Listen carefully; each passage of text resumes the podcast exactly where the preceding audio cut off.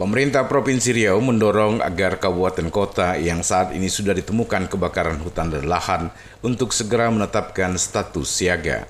Sebab status siaga darurat karhutla tingkat provinsi baru bisa ditetapkan jika sudah ada dua kabupaten kota yang menetapkannya.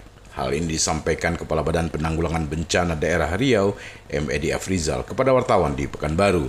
Edi mengatakan sejauh ini sudah ada empat daerah di Riau yang sudah ditemukan karhutla di antaranya di Dumai dengan luas lahan terbakar seluas lebih kurang 1 hektar, kemudian di Bengkalis 3,58 hektar, di Siak 0,1 hektar. Selain itu kebakaran lahan juga terjadi di Pekanbaru dengan luas lahan yang terbakar mencapai 6,5 hektar, sekaligus menjadi yang terluas saat ini. Kemudian di Kampar 0,75 hektar, sementara sembilan daerah lainnya masih belum ditemukan adanya titik kebakaran lahan.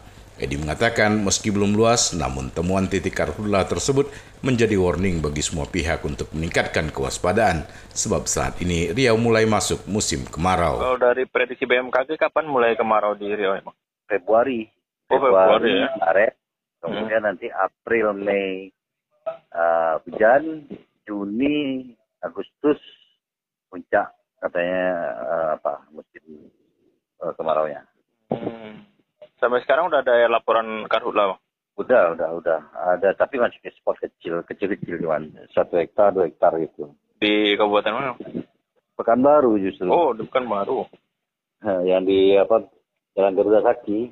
Oh. Di Widya kemarin. Oh. Terus uh, di Siak setengah hektar. Kecil cuman memang. Bengkalis. Oh. Di daerah uh, Duri ya, berarti Solapan sana. Kemudian di Pekanbaru. Dumai. Dumai. Dumai. Dumai. Tapi kecil-kecil lah, kecil-kecil. Hmm. Hmm. Langsung bisa diantisipasi lah berarti Bang? Enggak, masih bisa. Dan dia masih masih kecil kan kita juga masih hujan-hujan juga. Gitu. Hmm, hmm masih ada hujan. Hmm, masih ada hujan. Prima Ermat, Tim Liputan Barabas melaporkan.